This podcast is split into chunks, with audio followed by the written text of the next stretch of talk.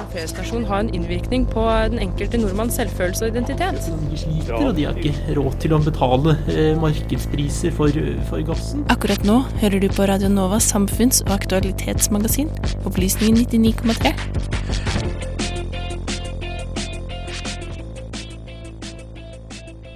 Nå er vi tilbake og skal snakke mer om frihandel og Verdens handelsorganisasjon. Var da så heldig å fått med i studio professor i økonomi på UiO, Andreas Moxnes. Velkommen skal du være. Takk skal du ha. Hyggelig å være her. Så nå spilte vi et lite innlegg om WTO for dummies, kan man si. Litt sånn basic innføring i historien og hva, og hva formålet er. Uh, tror ikke du fikk, uh, fikk, hørt det, så vi får bare satse på at uh, alt det jeg sa der var riktig. Ikke var for mye feilinformasjon. Så da kan vi anta at folk kan litt basics. Men slutta der med å stille på en måte spørsmålet om WTO har vært en, en god ting for verden. Det sies jo at hadde ikke fantes WTO, ville det vært 32% mer tariffer på alle eksporter for de fleste land. Mm. Så hva tror du, Har WTO generelt vært en eh, god ting for verden å handle i dag? Så Det er et sånt uh, sitat fra The Economist fra noen år tilbake som jeg, som jeg liker. og de, de, de, skrev noe sånt som at WTO uh, har kanskje gjort mer for å redusere global fattigdom og levestandard enn noe annet menneskeskapt uh, ting. og det er jo en ganske sånn tankevekkende påstand, da. Eh, men det er en påstand, eh, så det er vanskelig å si om det, det er eh, sant eller ikke. Det er mange andre menneskeskapte ting i verden som kanskje har gjort, gjort mye for globale levestandarder. Men, men, jeg tror det er noe Det er en kjerne av sannhet i det, tror jeg. Altså, at vi, vi, kom ut fra annen verdenskrig med, med veldig høye tollsatser og veldig stor grad av proteksjonisme. Både i utviklingsland og i, i, i de rike landene. Uh, så, og, og nå, nå, er vi i en situasjon hvor uh, tollsatsene i gjennomsnitt er uh, kanskje 2 eller noe sånt, i hvert fall for, for de rike landene.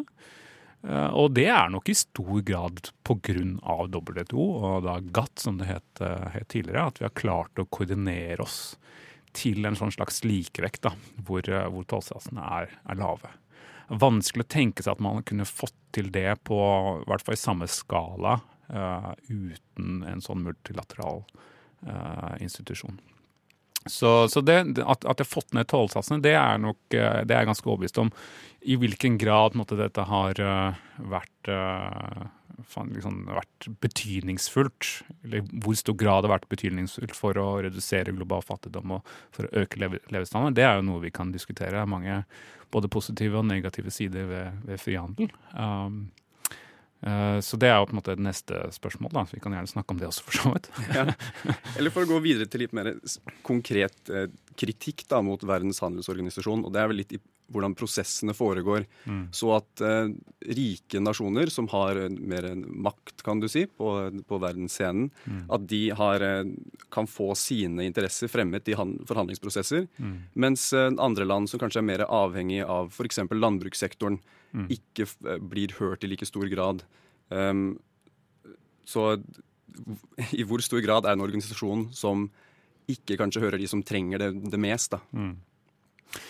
Altså, jeg tror Min oppfatning er vel at uh, vi skal uh, Jeg tror kanskje hvis vi skal rette skytset mot noe, så syns jeg vi heller burde gjøre det mot andre ting, som f.eks. regionale frihandelsavtaler. Ikke nødvendigvis WTO. Jeg syns at uh, WTO og den, den, multilaterale altså den multilaterale institusjonen er har veldig mye bra for seg på mange måter. Um, jeg kan jo nevne noe. Altså Én ting er at det er en konsensusbasert uh, organisasjon. Så, så, hvis det ikke er konsensus, så blir det ikke noe avtale. Det var også problemet med Doha-runden. At det er vanskelig å få til konsensus når du har 160 medlemmer, eller hvor mange det er nå.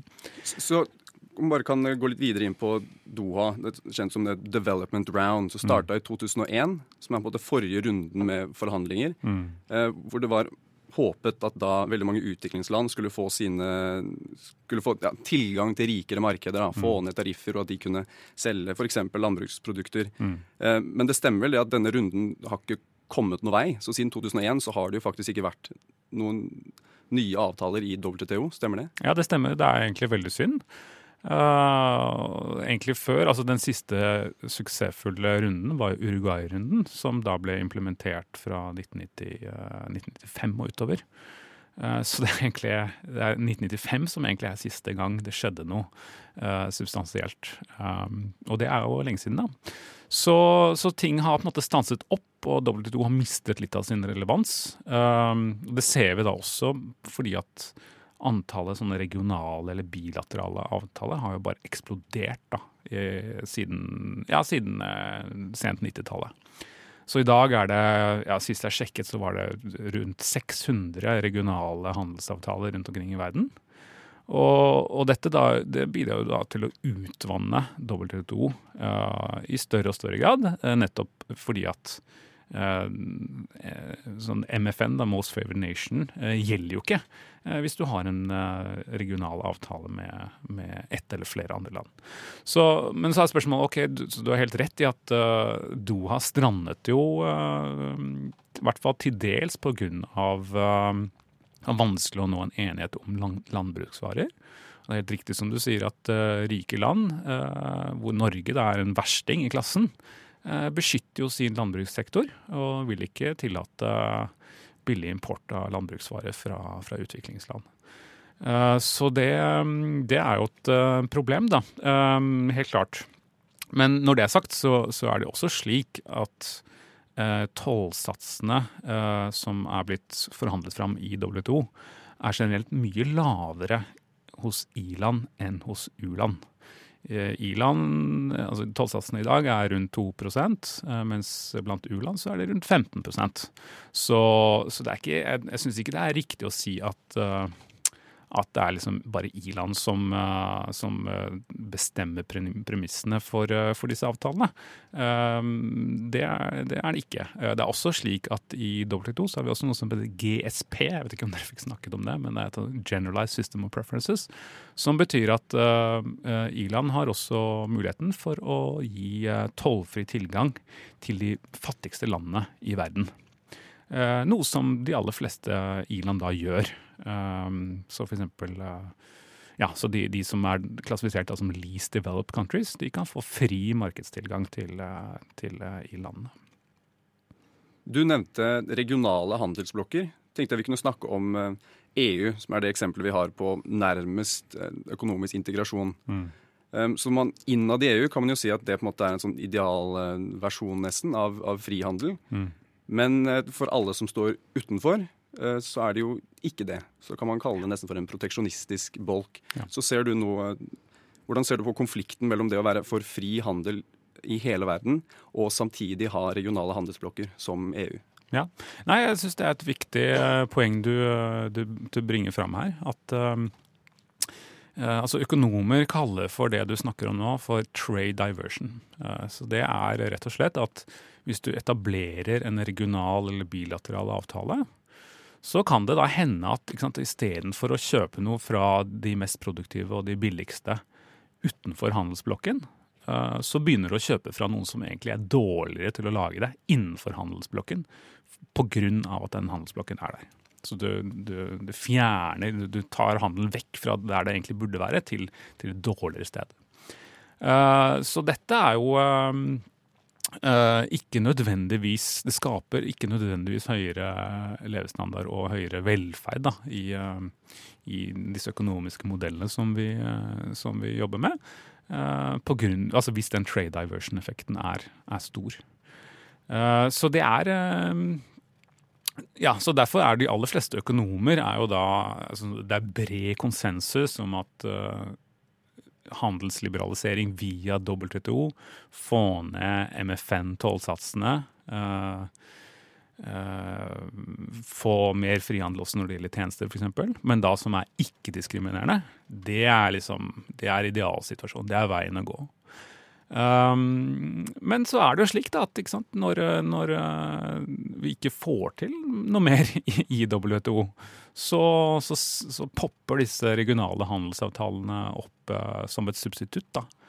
Uh, men det er riktig at det er ikke nødvendigvis så bra. Tror du vi ser på en fremtid som karakteriseres mer av store handelsblokker som handler med hverandre, heller enn på for et universelt WTO-grunnlag? Det går helt klart litt i den retningen. Altså, de store, altså disse megaregionale avtalene som har vært under oppseiling de siste årene, er jo da TPP, som da USA trakk seg ut av den avtalen, men det er nå en, en alternativ avtale som uh, er under oppseiling uten USA. Og mellom EU og USA så var det jo da TTIP som uh, ble, hadde flere forhandlingsrunder da før uh, Trump tok over. Nå er det ikke noe særlig framgang akkurat der lenger, men, men, jeg tror at Ja, og i Asia så er det en, en annen sånn megaregional avtale som heter RCEP, som er under oppseiling. Så, så, det er nok, det nok framtiden, det, i større og større grad. Hvis da ikke vi får til en eller annen stor reform i WTO da, som, som gjør at, uh, at vi kan komme videre på, på det sporet også. Reform i måten man kommer til enighet på, tenker du? Fordi nå må det jo være alle land må være enig i alt før man kan gjøre noe som helst. Så, ja. ja. Så det er jo en eh, kanskje alternativ modell, da. At man går bort fra den rene konsensusbaserte uh, måten å forhandle på. Uh, akkurat hva, hva, det burde være, er jeg litt usikker på. Um, men det, det, er helt klart en, en mulighet. Helt til slutt vil jeg gjerne snakke litt om Storbritannia sin fremtid utenfor denne her eh, handelsblokken, EU. Mm. Eh, og da Det mange sier på, på Liv-siden, da, er jo at de vil dra ut, og så vil de go WTO, følge WTO-regler, slik mm. som resten av verden. Mm. Og at det f.eks. kan gi dem muligheter til å styre handelen friere selv, så de kan ta inn, få billigere klær, billigere mat, f.eks. Um, I hvor stor grad Tror du dette her er eh, treffende? Og hvordan ser du på fremtiden til Storbritannia om de bare følger WTO med null avtale til EU? Ja, Nei, Det er et morsomt uh, tankeeksperiment. Altså, det er klart, altså, Som jeg nevnte, så er da tollsatsene, MFN-tollsatsene, spesielt da hos, til rike land, er jo veldig lave. Så sant, hvis, hvis, Storbritannia må nå betale 2 for å eksportere til uh, Tyskland istedenfor 0% som det er i dag, så tror jeg ikke det har noen store negative konsekvenser. Men uh, når det er sagt, så er det slik at uh, disse tollsatsene gjelder jo da sant, det gjelder industrivarer uh, i stor, stor grad. Um, men i dag er jo verden litt mer komplisert enn som så. Da, vi, vi, snakker om stor grad av integrasjon på mange andre områder. På, altså Tjenesteeksport vil jo være et eksempel. Tenk på uh, britisk uh, ja, uh, ja, finansnæring, selvfølgelig. er jo en stor, stor viktig næring. Luftfart. Hva skjer med British Airways når de skal kjøre fra Heathrow til, til Schiphol?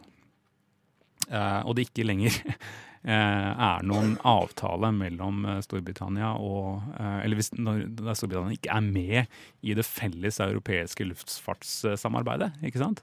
Da må Storbritannia begynne å få bilaterale avtaler da, med, med, alle mulige land på, på, hvordan de skal kunne fly, og hvor de kan få lov til å lande hen. Så det er alle mulige sånne ting på tjenesteområdet som jeg tror kanskje er den største utfordringen hvis, eh, hvis man da går ut, eller eh, går mot W2. Fordi W2 har ikke noe særlig å si på tjenesteområdet. Det er stort sett varehandel det er snakk om. Er det noe de forsøker å gjøre noe med? Eller nå, nå får jeg faktisk vinka her fra siden at det var dessverre alt vi fikk tid til. Skulle gjerne hatt deg mye lenger og stilt flere spørsmål, men tusen takk til deg, professor Andreas Moxnes.